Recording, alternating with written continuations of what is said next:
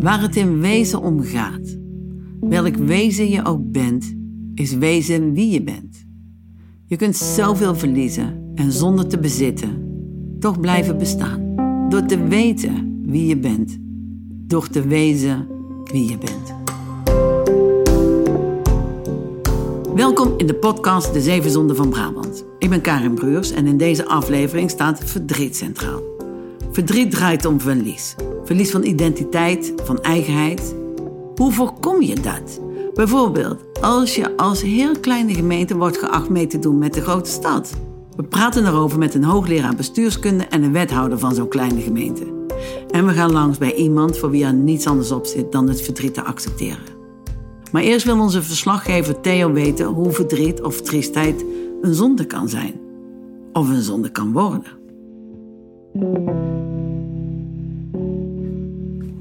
Koffie in de paraatheid. Ja, ja, ja, ja. Koffie, eh, koffie erbij, want anders kunnen we niet functioneren. Hè? Ja. En nou we het toch over zondes hebben. Ja. Zondigen we al gelijk bij het begin eigenlijk maar. Nou ja, kijk, ik heb, we hebben natuurlijk van onze grote vriend Luther geleerd, hè, de Augustijn, toen die, eh, voordat hij geëxcommuniceerd werd, zei hij altijd van, als je zondigt, dat mag natuurlijk niet, maar als je dan zondigt, doe het dan wel met plezier. We zijn op bezoek bij cultuurtheoloog Frank Bosman. Hij raadde ons aan verdriet op te nemen in onze zeven zonden. Nou, nou, nou werden- worden wij geacht om te praten over triestheid. Triestheid als hoofdzonde. Ja, ja. Waarom is dat een hoofdzonde geworden?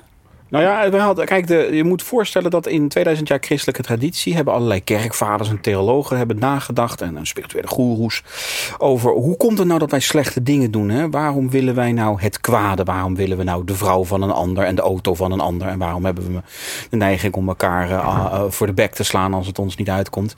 En dat heeft te maken misschien, hè, zo zeggen sommigen, met de, de val van Adam, hè, waar we allemaal nog last van hebben. Eh, het kan zijn omdat wij heel graag op iemand anders willen lijken. En dan pakken we alles van de ander af om het zelf maar te kunnen hebben. Het kan zijn dat er een groot gat in je ziel zit wat je wil vullen met, met iets wat je niet hebt. Het is ook vaak gewoon heel lekker. Hè? Ik bedoel, als je de vrouw van een ander. Ik bedoel, het mag allemaal niet. En ik ga het hier zeker geen pleidooi houden voor overspel. Maar het feit dat we er zoveel boeken en films over hebben... laat toch wel een beetje zien dat het ook gewoon heel lekker is Ja, om... een beetje te zondigen. Ja, nou, ik weet niet hoe het bij jou vroeger thuis ging. Maar bij mij zei mijn moeder en mijn oma altijd al van... ehm, eh, alles waar te voor staat is fout, behalve tevreden. En, en zonden zijn eigenlijk... eh, zijn, is eigenlijk altijd te veel. Dus bijvoorbeeld als je boos bent... Eh, als, je, als je geconfronteerd wordt met bijvoorbeeld eh, kinderen in vluchtelingenkampen die onder afgrijzelijke situaties daar moeten verkeren, dan kan je heel boos worden. En die boosheid kan jou aanzetten om politieke actie te gaan voeren om die situatie van die kinderen te verbeteren. Dat is eigenlijk is geen Dus zondigheid. de positieve bijkomstigheid van dat, boos dat is, de, dat, is zeg maar, dat is zeg maar een goede boosheid. Een soort heilige woede, zou je kunnen zeggen. Waar heel veel profeten in het Oude Testament trouwens ook wel zo'n handje van hadden hoor. Die wisten hoe dat moest. Maar als je eh, in diezelfde woede mensen gaat, gaat beledigen. Of mensen gaat slaan. Of dingen kapot gaat maken. Of gaat liegen of frauderen. Dan, dan, wordt die, dan wordt die boosheid zeg maar een soort doel in zichzelf. En dan heb je eigenlijk echt te maken met, eh, met, met de zonde van boosheid. Dan is die boosheid niet meer een kracht die jou energie geeft om het goede te doen, maar breekt die eigenlijk Ja. alleen maar alles af. Maar hoe kan triestheid dan een zonde worden? Dat snap ik Hmm. niet zo goed. Nou ja, als je een triestigheid is dus verdriet, hè, diep verdriet, is natuurlijk iets wat, eh, wat ons allemaal overkomt en op zich helemaal niet, niet, niet, niet verkeerd is. Ik bedoel, als je vrouw overleden is, of als je ontslagen bent, je bent je baan kwijt, of je ligt op de IC omdat je corona hebt, dan, dan ben je natuurlijk heel verdrietig en daar, daar is helemaal niks mis mee. Dat, dat hoort bij de mens. Eh, maar je kan je misschien ook wel voorstellen dat als je niet in staat bent om uit die triestigheid te komen, als je niet in staat bent om over dat verdriet heen te komen en het beïnvloedt je hele leven en dus ook de omgeving, alle mensen om je heen, dan begint het langzamerhand echt een probleem te worden. En dan zou je over tristia in de, zin van zondigheid kunnen spreken. Eh, we zijn het min of meer aan elkaar verplicht om op een bepaalde moment, en dat is voor elk mens anders, zeg maar over dat verdriet heen te komen. Anders ben je te veel in jezelf gekeerd. Ja. Kun je Ja. niet meer iets betekenen voor een ander. En niks meer voor je is jezelf. eigenlijk een beetje egoïstisch misschien zelfs. Ja, egocentrisch tenminste. Hè? Ehm, eh, eh, dus een beetje verdriet. Eh, en, en wat is een beetje? Daar kunnen we heel veel met elkaar over discussiëren. Maar een beetje verdriet is heel goed. Is ook een manier om, om, om de ellende in je leven een plek te geven. Om erover te kunnen rouwen. Om het psychologisch een plek te geven. Om ook uiteindelijk weer ver te kunnen. Maar we kennen allemaal voorbeelden uit films. En uit uh, boeken, uit romans. Dan is er een, een gezin met vijf kinderen. En uh, het jongste kind uh, komt op tweejarige leeftijd om bij een zeer ernstig auto-ongeluk. En die moeder komt daar nooit meer overheen. Een soort en kan schim. niks meer betekenen voor de, ik, ik, ik, ik heb een tante die een, een Oh ja. zoon op jonge leeftijd Oh ja. verloor. Ja. En Ja. Die heeft eigenlijk ook nooit meer echt goed kunnen functioneren. En bleef altijd in de verdriet hangen. Want Ja. dat was het een beetje. Ja, die is eigenlijk al overleden zonder dat ze dood gegaan ja, is. Hè? ja, zou je En, zeggen. en, en eh, het, het is natuurlijk verre van mij om te zeggen dat die, dat die tante van jou, zeg maar, daar geen reden voor zou hebben of zo. Ik bedoel, wie nee, je mag de verdriet niet afnemen. Zeker niet, zeker niet, zeker niet. Maar je mag wel aan haar vragen eh, of zij omwille van eh, de doden de levenden niet wil vergeten.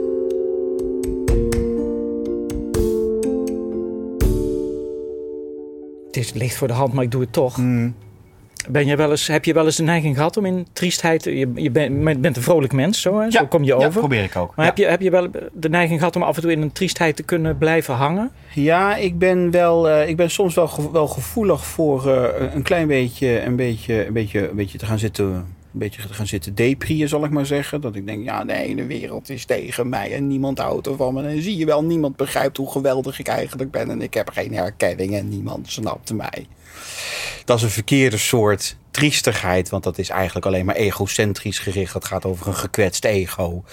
Ehm, eh, eh, eh, dat, is, dat is een soort van triestigheid waar ik gelukkig dankzij mijn, mijn nog veel vrolijkere vrouw altijd heel snel overheen kom.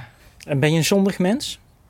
Ja, ik ben een heel zondig mens. Ja, wij zijn allen, wij zijn alle justus et peccator. We zijn allemaal heilig in de zin van dat we heilig moeten worden. We zijn opgeroepen om heilig voor elkaar te zijn. En, en, en, maar ik ben ook een zondaar in de zin van dat eh, elke zonde die jij ontnoemt, eh, daar heb ik me wel op een of andere manier aan. Ja, natuurlijk. Ik bedoel, eh, Jezus zegt het al in het Nieuwe Testament, hè, bijvoorbeeld, over, hè, bijvoorbeeld over onkuisheid. Het, het begeren des onkuisheids. En eh, dan denk je bij jezelf, nou, ik heb nog nooit met de vrouw van een ander geslapen. Ik heb nooit seks gehad eh, hè, met, met, met een vreemde vrouw of iets dergelijks. Dus het gaat met mij eigenlijk best goed. Maar ja, aan de andere kant, eh, als er een keer een knap meisje op een fiets voorbij komt in deze zondige Bosman periode, dan, loof, dan probeer ik me nog eruit te redden door vooral de schepper te loven vanwege Oh. al zijn prachtigheid die hij hier speciaal voor mij wil vertonen. Maar ik weet natuurlijk ook wel dat daar natuurlijk ook wel een klein beetje hebberigheid. eh, Ja, en maar dat is nog maar het eh, voorportaal van zonde. ja, is ook wel natuurlijk ook wel. We moeten daar met z'n allen niet, eh, niet te zwaar aan, aan tornen. Maar het laat wel zien hoe, hoe, hoe makkelijk het eigenlijk is om van het goede naar het, naar het slechte over te gaan. Dus dat als je in staat bent om in, de, in, in die prachtige vrouw de, de schepper te loven, is er niks aan de hand. Maar ja, als je op een gegeven moment je fietsroute zo gaat aanpassen dat je haar elke dag toevallig even voorbij komt, dan begint er misschien een soort psychologisch mechanisme te functioneren waarvan we met elkaar zeggen: dit gaat niet goed. En zullen we ons samen dan maar even aan de Zeker, zonde begeven aan cafeïne en, Heel eh, graag. en eh, nicotine. Een In klein nicotinetje. Een klein nicotinetje.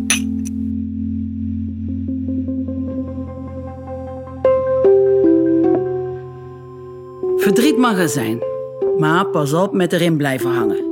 Dat verdriet dat voelen ze ook in veel gemeenten in Brabant.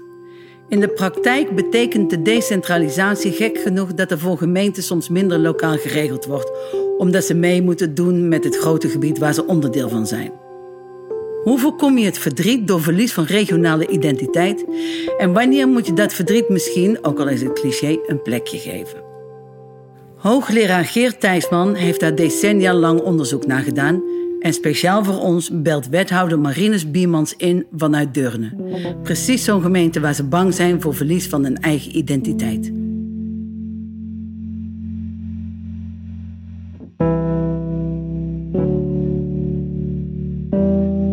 Marinus, je bent wethouder in Deurne. Klopt, ja. Woon je daar ook? Ja, geboren en getogen tegenover Museum de Wieger. eh, eh, waar i- iedereen kent natuurlijk van eh, eh, het tuinpad van mijn vader van het eh, nummer Het Dorp van Wim Sonneveld. Is dat Dat daar? Deurne. Ja, Oh, wat tof. Geert, waar kom jij vandaan? Ik kom uit eh, Noord-Groningen. Noord-Groningen. Ja, Maar ik heb wel uh, nu had ook een Brabantse kleur gekregen. In de zin dat ik uh, gestudeerd heb in Tilburg. Voor uh, een hele aantal jaren. En later ook nog een aantal jaren in Riethoven. Een weekendhuisje had. Dus in dat opzicht heb ik ook wel Brabantse verbindingen. Oh, goed. Merk je groot verschil tussen Groningen en Brabant? Ja, dus er is wel een groot verschil tussen boven en beneden de rivieren. En, de Randstad neem ik als derde altijd. Ja, de Randstad is ook weer heel anders. Brabanders uh, gaan leuker met elkaar om en kunnen beter koffie met elkaar drinken. Uh, maar in tegenstelling tot boven de rivieren zeggen ze elkaar niet altijd de waarheid. Dat zou ik wel als een soort van ervaring willen meegeven. Ja. Door decentralisatie kunnen grote regio's meer zelf bepalen. Maar binnen die regio's heb je dan weer kleinere gebieden, kleinere gemeenten, die zich dan weer aan moeten sluiten bij de grote gemeenten. Snapt u het nog?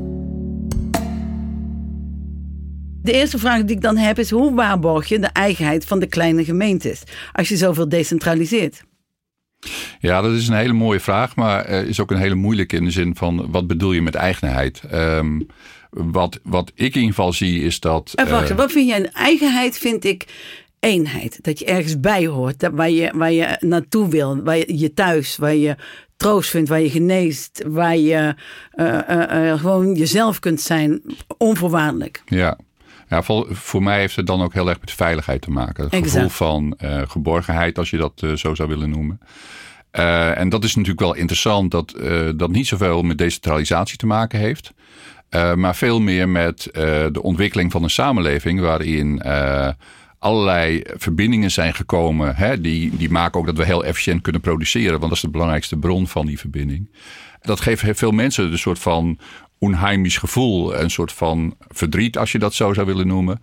Van ja, maar ga ik, dan nog wel, ga ik er dan nog wel over? Of beslissen anderen over mij? En dat is denk ik wel uh, een, uh, een heel breed gevoel. Maar dat is niet alleen maar voor de kleine gemeente. Dat is ook niet alleen maar voor de burger. Dus dat over maar het dat is veel, veel breder. Hè? Zelfs, of ook Kamerleden in Nederland, maar ook daarbuiten, hebben ook het gevoel van: ga ik er nog wel over? Er gebeurt zoveel, ik kan het niet allemaal bijhouden. Het wegvallen van je autonomie. Uh, ja, ja, je wordt opgenomen in nou ja, wat ik dan uh, noem grote ketens en grote netwerken. En daar gebeurt het maar. En je moet meebewegen. En dat is voor sommige mensen geweldig en voor andere mensen verdrietig. Ja, Marinus, zie jij dan binnen jouw gemeente dat daar verdriet over is, dat ze dat sunt vinden, dat de eigenheid kwijtgaat, dat we de eenheid verliezen, de grip erop op wegvalt. Ja, het is maar net wie, wie je spreekt. Maar uh, wat het mooie is van een gemeente zoals Deurne, 30, 32.000 inwoners, is dat wij redelijk eh, nabij onze inwoners uh, staan, of proberen te staan in ieder geval. En dat je goed weet wat daar, wat daar speelt. Dus die eigenheid en, en de eigen identiteit van je gemeente, dat is er juist nog wel. Um, waar ik, en dat is ook wel een van de persoonlijke redenen waarom ik de politiek in ben gegaan, is dat ik juist in dat, die ontwikkelingen die er gaande zijn, dat je merkt dat het wel lastiger wordt om in dat grote speelveld daar ook te zorgen dat de zaken uh, die uh, ja, plaatsvinden ook echt bij ons in Deurne of bij ons in, maakt niet uit welke gemeente, maar in dit geval ben ik dus wethouder in Deurne, ja, ook passen bij wat er hier speelt op dat vlak. Ja, maar niet alleen passend, maar heb je wel het idee dat je daardoor dicht bij je burgers kunt blijven staan? Ja, ik, ik, soms voel ik me dan wel zo'n linking pin ertussen. Hè. Dan probeer ik juist heel veel op te halen en te luisteren wat er speelt in de samenleving. Hè. Ik en mijn collega-wethouders ook natuurlijk. Um, en anderzijds probeer ik ook echt wel uh, met uh, ja, het infiltreren in het regionale netwerk. Om te zorgen dat ik ook op de goede plekken zelf ook aanwezig ben. Om toch nog iets van het verschil te maken. Maar dat, ja, dat gaat soms goed en soms iets minder. Ja. Maar hoe kan dat dan? Een jonge gast, hè? Geert, een jonge gast die uit die gemeenschap komt, dus ook heel dichtbij, die een luisterend oor heeft, die een plek heeft in een bestuurlijke. Uh, uh, uh, en dan hoor ik toch twijfel in zijn stem of dat hij wel kan bereiken wat hij graag zou willen bereiken. Ja, nou het belangrijkste, dat is, dat is een heel herkenbaar fenomeen. en het belangrijkste is eigenlijk dat dit niet komt uh, omdat uh, wij mensen dat uh, moeilijk doen met elkaar. Maar dat komt vooral omdat de vraagstukken die we moeten verder brengen of oplossen, dat die in complexiteit enorm zijn toegenomen. En dat betekent dus dat je heel veel verschillende partijen nodig hebt om verder te komen. dus als je het hebt over uh, nou, bijvoorbeeld de energiestrategie of de energietransitie. We weten allemaal dat die moet plaatsvinden. En tegelijkertijd merk je dat je afspraken moet maken. Tegelijkertijd op het niveau van de wijk, op het niveau van het dorp, op het niveau van de, uh, van de stad, op het niveau van de regio, provinciaal, nationaal en ook nog eens een keer internationaal. Omdat als je het alleen maar doet in Deurne, dan gaat het niet werken. Dus uh, um, en en, en dat, dat uh, fenomeen, dat je op al die niveaus eigenlijk actief moet zijn, dat, dat uh, is voor sommige mensen geweldig. En voor andere mensen voelt dat als van, ja, dat kan ik allemaal niet aan.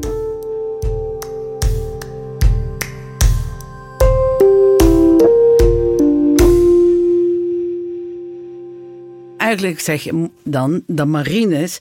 Kijk, daar komt met zo'n klimaatdingetje komen heel veel ideeën. Komt van alles, komt van boven en wereldwijd komt dan. Maar dan zou zijn, zijn taak toch moeten zijn dat hij moet kijken wat goed is voor Deurne. En dan inderdaad bespreken met je burgers van waar is het, hoe zien we dat, wat willen we. En dat hij dan de cherry picking doet voor zijn eigen gemeente. Als dat alleen maar gebeurt, gaat het niet goed. In de zin dat, uh, en dat zie je bij alle vraagstukken in de ruimte en, en bij energie, bij sociale vraagstukken. Dat als iedereen alleen maar zijn eigen belang nastreeft. Uh, je niet vanzelfsprekend het gemeenschappelijke belang krijgt. Maar Ik dat is toch wat Adam Smith zegt? In een hele liberale uh, traditie hè, van de markt uh, gaat alles goed doen, ja. dan werkt het. Maar dat is niet zo het geval. Want dat betekent dat je alleen maar de positieve dingen aan je trekt en de negatieve dingen afstoot. En dat is precies ook wat er voortdurend plaatsvindt tussen bijvoorbeeld grote gemeenten en kleine gemeenten. Van laat ons nou maar uh, hè, onze gemeenschappelijke uh, dorpsbelangen uh, behartigen en doen jullie maar de opvang van daklozen of de echte complexe problemen bij multiprobleemgezinnen of zorgen jullie maar voor werkgelegenheid. Hè? Zo even ja. heel badinerend, maar toch. Marines, maar voel jij je als, als Menneke Deurne dan niet in een ongelooflijke rare positie zitten. Dat je dus zo groot moet kunnen denken en zo klein moet kunnen handelen. Uh, nou, daar voel ik me geen mennik in. Uh, uh, wat ik vooral belangrijk vind is om in die... Wat voelden wij dan? Ja, nee, maar in die twee werelden. Hè, dus die, dat grote regionale wereld en die grote opgaves over droogte, over, nou, noem het maar op, wat er allemaal speelt. Uh, versus wat er gewoon bij de mensen aan de keukentafel gebeurt. Hè, dat verschil om daar tussenin te gaan staan. Dus volgens mij, ik, ik voel dat juist als een uitdaging om dat aan te gaan. Om, daar het, om, de, om te zoeken naar hey, hoe kunnen wij, in plaats van dat ik alleen maar bezig ben om de deurnsbelangen op tafel te brengen, ook terug te brengen. Hey, er is een groter verhaal en dat ook te vertalen aan die keukentafel. Dus het gaat ook wel twee kanten op. En daar... Ja, maar hoe ga jij terug uit die spagaat? Want daar is er nog alleen. Ja, nee, die spagaat heb ik opgezocht door wethouder voor een deel natuurlijk. Uh, dus dat is aan de voorkant bij mij wel bewust geweest dat wij het als. Uh, we leven niet op een eiland als, als Deurne, als gemeente, of als verschillende kernen, kerkdorpen binnen onze gemeente ook niet. dus ja, daar moet je juist zoeken naar hoe gaan we dingen toch voor elkaar krijgen. En wat. Uh, wat daarbij belangrijk is, ook wel de uitvoeringskracht. Op een gegeven moment moeten mensen ook zien, hé, hey, waar gaat het naartoe? En ook geloof krijgen in dat grote verhaal. Hè? Um, uh, en dan bijvoorbeeld, uh, ik noem al een droogte net al als voorbeeld. dat kunnen wij, als wij het helemaal oplossen, maar onze buurgemeente doet niks. Ja, dat, die ligt boven riviers, dan hebben we een probleem. Ja. Dus, dus ik heb ook belang bij als Deurne om dat juist samen aan te pakken. Ja. Maar hoe, hoe haal je hem uit de spagaat, Geert? Nou, ik denk dat dat, dat is niet de vraag die ik zou stellen. Uh, ik zou eerder de vraag stellen, en ik heb ook het gevoel dat uh, hè, dat, dat ook in Deurne gebeurt. Uh, hoe word ik zo lenig dat ik voortdurend in een spagaat toch in beweging kan blijven? Zo lenig worden dat je ook in een spagaat in beweging kan blijven. Het is een uitdaging, maar ik denk dat Marines dat best kan. Maar als dat nou niet lukt, wat gebeurt er dan? Nou ja, wat, wat, ik, wat ik zie als, hè, uh, als een van de verdrietige elementen in het openbaar bestuur, is dat allerlei organisaties proberen om te sturen door vanuit hun probleemdefinitie de oplossing te definiëren. En dan die oplossing ook keihard vast te leggen. Van dit is wat we gaan doen. Maar zo gauw ze dat proberen te realiseren, dan merken ze dat ze allerlei andere partijen nodig hebben om te realiseren wat ze willen doen. Maar omdat ze die oplossing al zo hebben vastgelegd vanuit hun eigen uh, beperkte kennis van zaken en hun eigen beperkte definitie van het probleem, zie je dat ze niet meer kunnen bewegen. En dat is juist het mooie van die regio's die ontstaan. Dat dat wat meer fluïde samenstelling van, van partijen is. Waar niet op voorhand al heel veel is vastgelegd van wat allemaal niet mag. En daardoor kun je daar veel meer bereiken. En dat is volgens mij een hele mooie invulling van die lenigheid of flexibiliteit. Maar dan neem je, je wel heel veel af van ze. Nou ja, precies. Je neemt iets af wat niet meer werkt. En wat, wat denk ik nu op allerlei plekken in Nederland geprobeerd wordt, is: kunnen we dan als we dat met elkaar anders doen dan we van tevoren hebben afgesproken, kunnen we daar dan verantwoording over afleggen? Van hé, hey, we hebben het anders gedaan, maar we vinden het beter. Vinden jullie het ook? Ja. En dan denk ik dat, nou ja, idee van mij, wat ik laatst bij uh, energietransitie heb geformuleerd. Van, dan zou je een soort verzamelde vergadering van statenleden en raadsleden kunnen hebben. Van dit is wat we hebben afgesproken, dit is wat we zijn gaan doen. En we zijn ervan overtuigd dat het beter is. Wat vinden jullie ervan? En, en dan vitaliseer je toch nog ja. uh, de politiek uh, zonder dat je heel veel hoeft te veranderen in uh, zeg maar de, de wetgeving. Ik zeg altijd: een dag niet veranderd is een dag niet geleefd. Nou goed, dat, misschien is het, dit wel het moment dat jij je verkiezing moet stellen voor de komende periode. Misschien moet ik dat maar gewoon doen. Me een keer kwetsbaar opstellen. Kies Karin Bruurs voor een toekomst zonder verdriet. Toch? Durven wij Brabanders ons kwetsbaar op te stellen? Of interesseert het ons niet zo? Ja, doe maar dan. Jawel, ik denk het wel. Jawel, we hebben natuurlijk altijd, het begint altijd de eerste vraag, hoe gaat het ermee? Ja, het gaat goed, zou ik maar zeggen. Maar die tweede vraag, die is eigenlijk net zo interessant, hè, wat er dan wordt gezegd. Daar gaat het volgens mij om. Ja, en als ze houdoe zeggen, want je weet wat houdoe betekent, hè? Houdoe betekent nee, houd toe eigen goed. Ja. Maar als het met jou goed gaat, dan gaat het ja, met maar dat is, dat, dat, volgens mij is dat wel een hele mooie. Want uh, je moet niet alleen nadenken in goed Brabants... what's good enough for me, but what's good enough for us. Hè? En dat is wel een beetje wat je zegt. Ik vind het ook belangrijk dat het met jou goed blijft gaan. Houdoe. Ja.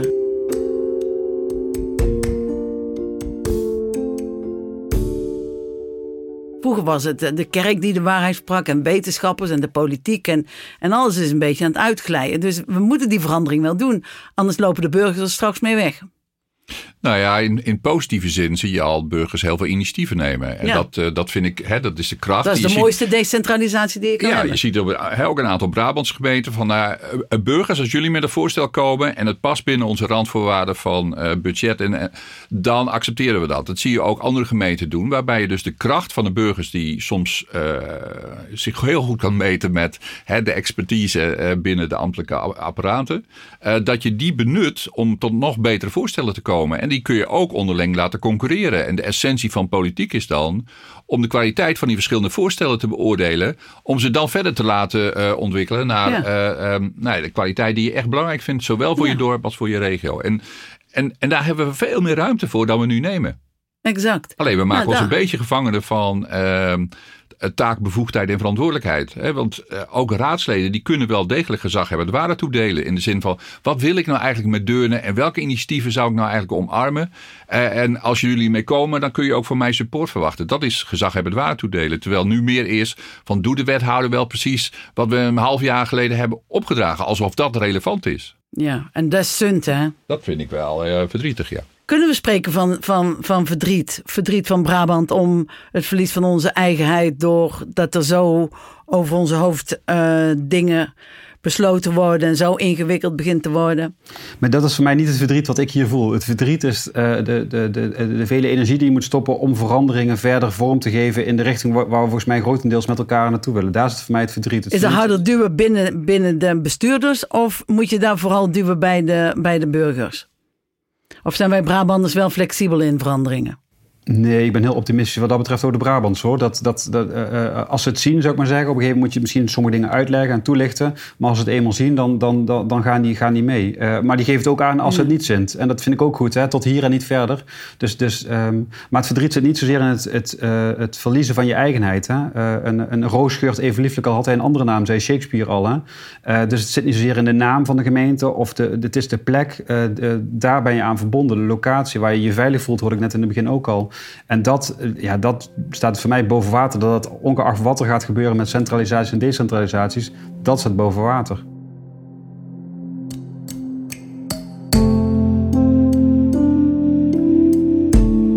Verdriet overkomt je en is op zichzelf geen zonde. Het gaat erom hoe je met dat verdriet omgaat. Dat brengt ons op het industrieterrein vlakbij Eindhoven. Nou ja, je bent uh, in, in bladel bij merchandise.nl. Uh, tenminste, voor, voorheen uh, merchandise.nl.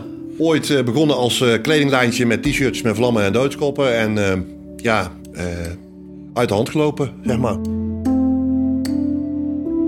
Onze verslaggever Mino is bij ondernemer Richard Teus. Zijn bedrijf ging dit jaar failliet en zijn vrouw is ernstig ziek. Maar we zoeken hem niet op omdat hij zo verdrietig is. Nee, we zoeken hem op omdat hij ons kan leren hoe je om kan gaan met zulk verdriet. Dat is allemaal wielrenkleding. Petjes, heel veel petjes. Heel veel petjes. Ja, petjes waren we heel erg goed in. Uh, mooie, mooie, chique, luxe petten. Dat deden we heel goed. PSV. Ook, ja. PSV, FC Utrecht. En daarachter Pinkpop. Pinkpop. Heel leuke klant. Uh, Sjaaltje, helemaal paars natuurlijk. Of roze, roze eigenlijk meer. Ja, roze. Pinkpop roze. Ja. Uh, ja, voor Pinkpop hebben we altijd heel mooie dingen mogen maken. 2009 was dit. Uh, deze, ja, ja, deze was 2009. Ja, we hebben tot, uh, tot, ja, tot vorig jaar eigenlijk voor Pinkpop gewerkt. Ja. En uh, nou, wielrenkleding dus, onder andere. Stickers, buttons. Ja, je kan het niet opnoemen. En ook vrachtwagens met een merknaam erop. Ja, van kleine ook, dinky toy-achtige dingen. En kleine gadgets, hè? Ja, we hebben altijd gezegd... we kunnen eigenlijk alles maken... zolang de oplage groot genoeg is... en het budget toereikend en de levertijd lang genoeg. Wanneer is dit begonnen? Uh, 2003. Kom maar als ideetje. Nou, eigenlijk niet eens. We begonnen eigenlijk met eigen t-shirts. Uh, op festivals verkopen. Uh, met een steentje, mijn vrouw en ik, in de, voor de hobby, in de vrije tijd. Want het beroep was iets heel anders. ik was bedrijfsleider bij een producent van bokzakken, onder andere. En ja, ja, bokzakken, stootkussens voor voor de vechtsport. En voor, wij werkten voor alle grote merken van, van wereldwijd. Maakten we de Europese productie. En ik had een klant die vroeg of ik een eigen kledinglijn voor hem kon realiseren. Voor zijn sportschool. En toen ben ik daar ingedoken. En dat vond ik eigenlijk wel leuk. Dus toen zei ik tegen mijn vrouw, dat wil ik ook. En zij zegt, nou, dan ga je dat toch doen. En uh, het was helemaal niet onze intentie om er een, een, bedrijf van te maken, om een beroep van te maken. Maar gewoon, ja, wat leuke t-shirtjes met vlammen en doodskoppen. En die, uh, ja, leuk. Ja, doodskoppen. Ja, nou ja, smaken verschillen, maar ik, ik hou ervan. Ja, een beetje gothic, hè? Dat was toen ook in. Ja, gothic is, uh, is een hele andere term, hoor. Oh. Ja, geeft niks, geeft niks. De verwarring ontstaat altijd. Want ik zeg, het is behoorlijk groot geworden, want we, we lopen hier nou op het industrieterrein in Bladel door een behoorlijk kantoorpand, laagbouw, maar wel heel veel bureaus in verschillende ruimten. Ja. Uh, alsof er eigenlijk gisteren nog gewerkt is. Ja, ik heb nog niet opgeruimd. Ik ben er nog niet aan toegekomen. Uh, is, ja. Dossiermappen, uh, de printer staat nog te knipperen. Uh, de bureaus liggen vol met dozen waar nog allemaal spullen in zitten. Ja, die zijn niet meer verstuurd voor, het, voor het misging. Wanneer is het misgegaan? eigenlijk vorig jaar al. Maar ja, tenminste, vorig jaar is mijn vrouw ziek geworden. En ehm, toen ja, we zijn minder, goed, minder hard gaan werken, mijn vrouw en ik. En uh, het, ging, het ging zakelijk al achteruit. Dus het, uh, 2019 was al heel moeilijk. En begin van 2020 wisten we, nou moeten we echt heel goed gaan doen. Wilden we er bovenop komen. En toen gebeurden er een aantal dingen achter elkaar. Uh, het begon met corona in China, uh, wat voor ons direct een probleem was. Er kwamen veel spullen vandaan natuurlijk ook. Daar kwam ongeveer een, een, kwart van onze goederen kwam uit China inderdaad. Dus we, ja, we verloren 25% omzet eh, vanaf uh, eind januari. Die we echt niet konden missen. Um, toen kreeg mijn vrouw ook nog uh, een nieuwe diagnose, tenminste uh, de diagnose uitgezaaid longkanker, um, terminaal.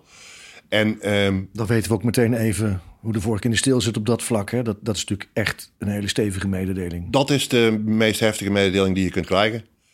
En tegelijkertijd kwam corona naar Nederland, waardoor alle evenementen gecanceld werden en waardoor ja, wij eigenlijk in totaal 80, 90 procent van onze omzet verloren. En toen hebben mijn vrouw en ik gezegd, nou ja, we, we, we kunnen maar één ding prioriteit geven en dat is elkaar. Ja, dus uh, het vandaar ook dat allemaal eruit ziet zoals het eruit ziet. Alsof we gisteren gestopt zijn, want voor ons gevoel zijn we gisteren gestopt.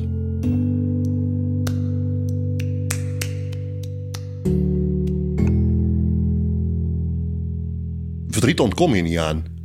Uh, verdriet en, en pijn en, en boosheid zijn dingen die gebeuren. Uh, er valt niet omheen te werken. Die, dat overkomt je en daar moet, daar moet je mee, mee dealen. Maar wegzakken in verdriet is iets anders als verdriet hebben. En uh, zeker ja, vanaf de diagnose is, is, en, en ook vanaf iets met elke dag is deels verdrietig. Maar deels verdrietig moet je niet af laten remmen in toch te proberen de momenten te pakken die je nog kunt pakken. Jullie wonen hiernaast. Ja. Ook nog bij elkaar nu. En ondertussen bezig met het op- en neerlopen naar de zaak... om hier de zaken af te ronden eigenlijk. Ik zag dat het kantoor te huur staat, de eenheden, want het is eigendom. Ja, klopt. Uh, ja, het afronden is eigenlijk net pas een beetje uh, begonnen. Hè. De, na het faillissement, uh, ja, we zaten ook midden in, in het traject met mijn vrouw. Dus we moesten naar het ziekenhuis. En uh, gelukkig hadden we een hele begripvolle curator die zegt van nou, ja, we gaan wel de tijd nemen, want je, ik snap dat je naar het ziekenhuis moet. Ja. En er zijn weken geweest dat we gewoon vijf dagen in, in het ziekenhuis zaten. dus in eerste instantie hebben we de curator gevraagd van nou, kun je kijken of je het bedrijf kunt verkopen in zijn geheel aan een van onze collega's. We hebben ook zelf een oproep geplaatst voor onze collega's van gewoon meld je bij de curator. Ja. Zodat we daar gesprek in kunnen gaan. Niemand opgekomen? Uh, een record aantal aanmeldingen. Uh, was, was heel bijzonder. Want het voelde, het voelde echt wel prettig, zeg maar, dat iedereen zich meldde. Maar het is natuurlijk voor iedereen een moeilijk jaar. Het is het, is het coronajaar. Het is een, er is iets, over de hele wereld is iets overkomen wat nog niemand ooit meegemaakt heeft. Dus ehm, de onderhandelingen die waren wat ingewikkelder dan gehoopt. Ja. Het, en dan ook nog eens in dit jaar komt het komt heel veel bij elkaar. Want de hele wereld heeft te maken met een, een tegenslag op, op gezondheidsvlak natuurlijk. Met dat virus. Maar jullie hebben het dan ook nog economisch en thuis. En, en dat, ik, het is nogal wat hè. Je, had, ja, je kunt er kan onderdoor gaan natuurlijk. Ja, kan. Kan nog steeds. Is nog niet gebeurd. Nee. Nee. Ja. Um, ja, waar we het eigenlijk de hele tijd al over hebben. Wat, wat is, wat is nou belangrijk? En um, het, is, het is niet makkelijk. Hè. We, we, hebben nu een uh, uitkering. Uh, de, de Tozo. De, ja. de drie, drie maanden. Uh, en, en we hebben niet veel reserves. Maar ja, goh. Andere mensen gaan aan verdriet ten onder. Die, die, die zouden dit misschien niet kunnen handelen hun levenswerk kapot. Het bedrijf bedoel ik dan even. En, en je partner doodziek, waarvan je dan heel erg moet hopen dat als het echt goed aanslaat, dat er een soort uitstel is. Ja, zo ziet het er nou uit. We, we, kijken nou iets verder vooruit. En uh, ja, dat, dat, is alles wat je maar hebt. Waarom kan de, de, ene mens daar, daar niet overheen stappen en, en lukt het hier in Bladel wel? Dat weet ik niet. Dus de zoektocht die, die mensen nodig hebben. En, uh, iedereen heeft een, een, ik denk bijna iedereen een houvast nodig heeft. Je hebt mensen die uh, zijn heel erg gelovig. Je hebt mensen die een heel fanatieke sporters. En ik heb het in mezelf. Wij, wij hebben het in, in onszelf en in elkaar gezocht. Van hoe kunnen wij ja, mentaal met dingen omgaan. Het leven overkomt je. Ehm, en als je iets kunt veranderen aan een situatie, dan doe je dat. Of je doet het niet. Um, maar het leven overkomt je. En daar moet je het dan mee doen. En als je het ermee moet doen, is het volgens mij zonde om te veel tijd te besteden. En mensen zeggen, ben je niet boos? Ja, natuurlijk ben ik boos. Maar wat heeft het voor nut om boos te zijn? Daar gaat de kanker niet van weg. Dan kan ik beter zeggen van, nou, ja, ik ben boos. Punt. Maar wat hebben we wel? Laten we, ja, maar wat hebben we wel? En laten we wat gaan eten. En laten we wat gaan drinken. En laten we een mop vertellen. En laten we uh, herinneringen maken.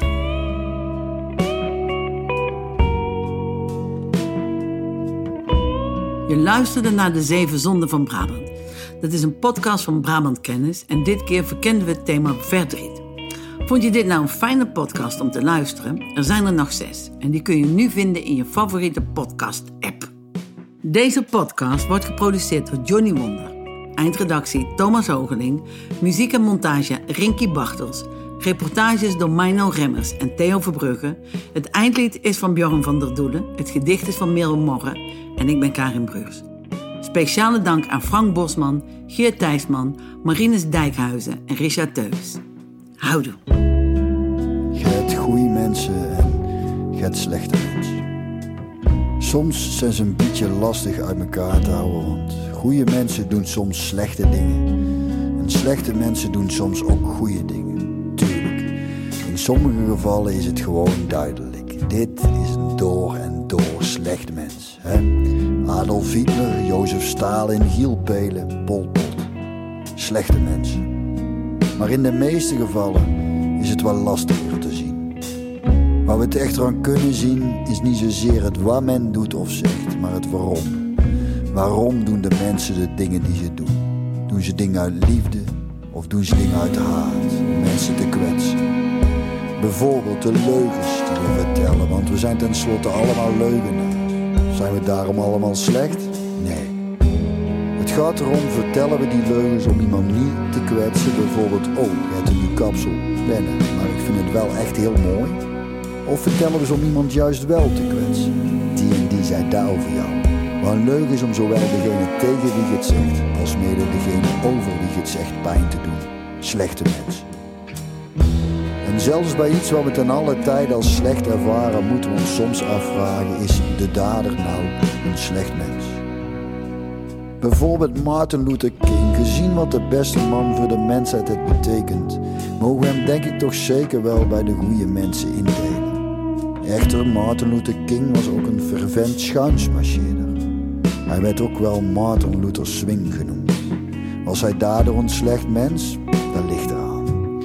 Kwam zijn ontrouw voort uit de liefde voor de liefde, zo gezegd? Oftewel, was onze Martin gewoon zo scherp als een Duitse herder? Of piste die geregeld langs de pot om zijn vrouw moedwillig pijn te doen? Ik vermoed het eerst. Hij zal het waarschijnlijk ook ten alle tijde tegenover zijn vrouw ontkend hebben. Waar komt gij zo laat vandaan? Ik moest overwerken, waardoor we weer bij het eerste voorbeeld uitkomen. De leugen die hij vertelde om zijn vrouw niet te kwetsen. Zet dat tegenover het vreemdgaan uit bijvoorbeeld wraak, wat de partner juist ter oren dient te komen, zodat deze zich gekwetst voelt, omdat er kennelijk een rekening te vereffenen valt. Waar komt de gijzelaar vandaan? Ik ben weer vreemd gegaan, wel trust en zie een slecht mens. Goed, wat kunnen we hier nou mee? We kunnen nou onderscheid maken tussen goede en slechte mensen. De goede mensen, daar moeten we van houden. Die moeten we soms vergeven, de fouten, de tekortkomingen, de momenten dat ons pijn wordt gedaan, moet weten. Dat de goede mensen dat niet doen om ons pijn te doen, maar omdat het simpelweg ook maar gewoon mensen zijn. Met al hun zwakheden en onhandigheden. En de slechte mensen die hoefden niet te vergeven, daar hoefden niet van te houden, die hoefden eigenlijk niet eens te haten. Die hoefden enkel en alleen maar te negeren. Geen gevecht mee aangaan, geen discussie, geen ruzie mee beginnen, want dat is precies wat ze willen, waar ze drijft. Gewoon negeren. Of zoals ons moeder altijd zegt, lekker in eigen vet gaar laten smoren. Het kost de minste energie, ergernis en tijd, waardoor we alleen maar meer tijd en energie overhouden om van de goede mensen te kunnen houden. Ik heb voor het gemak mijn eigen ingedeeld bij de goede mensen. Dus hou van mij. En ik zal ook onvoorwaardelijk veel van jullie houden.